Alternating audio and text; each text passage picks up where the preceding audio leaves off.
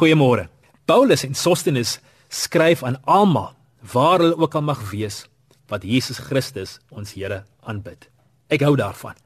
En my hartsbegeerte is dat hierdie boodskap jou ook vanoggend vind in 'n in 'n lewensingesteldheid wat en 'n hartsingesteldheid wat Jesus aanbid. Ons is tog aanbidders voor ons enige iets anders is. Jesus het gesê dat die Vader diegene soek wat hom in gees en in waarheid sal aanbid.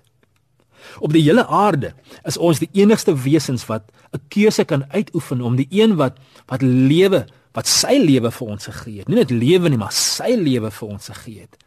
Die die een wat die asems in ons in ons longe sit, wat die wat die swaartekrag op die aarde gesit het en nie op die maan of enige ander planeet nie, wat die son op presies die regte afstand van hierdie klein planeetjie gesit het sodat dit nie te warm is en en nie te koud is nie wat ons oë gegee het om wat wat wat, wat meer kompleks is as enige moderne kamera begeertes in ons geplaas het om mooi dinge te kan raak sien en dit weer te gee in kuns en en drama en en sang. God gee vir ons die keuse om hom te aanbid of nie?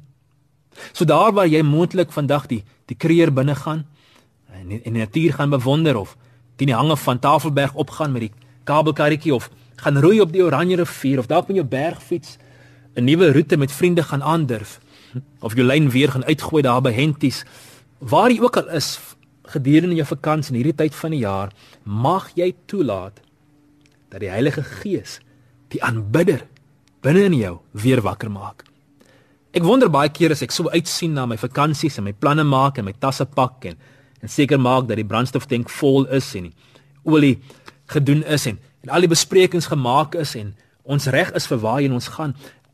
As ek so uitsien na my vakansie dan dan dan wonder ek soms waarheen sien God uit? Wat is sy begeerte vir hierdie tyd van die jaar? Kan dit wees dat hy ook 'n begeerte het vir ons om om stil te word, om die fone af te sit vir 'n ruk, te vergeet van die van die e-posse daar waar moontlik om die koerante toe te maak die gesprekke om die braaivleis vuur dalk so nou en dan bietjie korter te maak sodat ons weer ons harte kan neig tot hom. Aanbidding is vir die gelowiges soos asemhaling vir ons fisiese liggame. Dit gee ons dit waar sonder ons siel nie kan leef nie.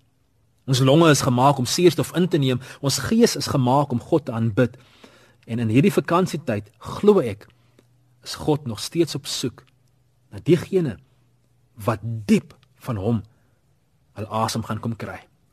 Waar jy ook al mag wees in hierdie mooi land van ons, mag jy Jesus Christus, ons Here, vandag aanbid.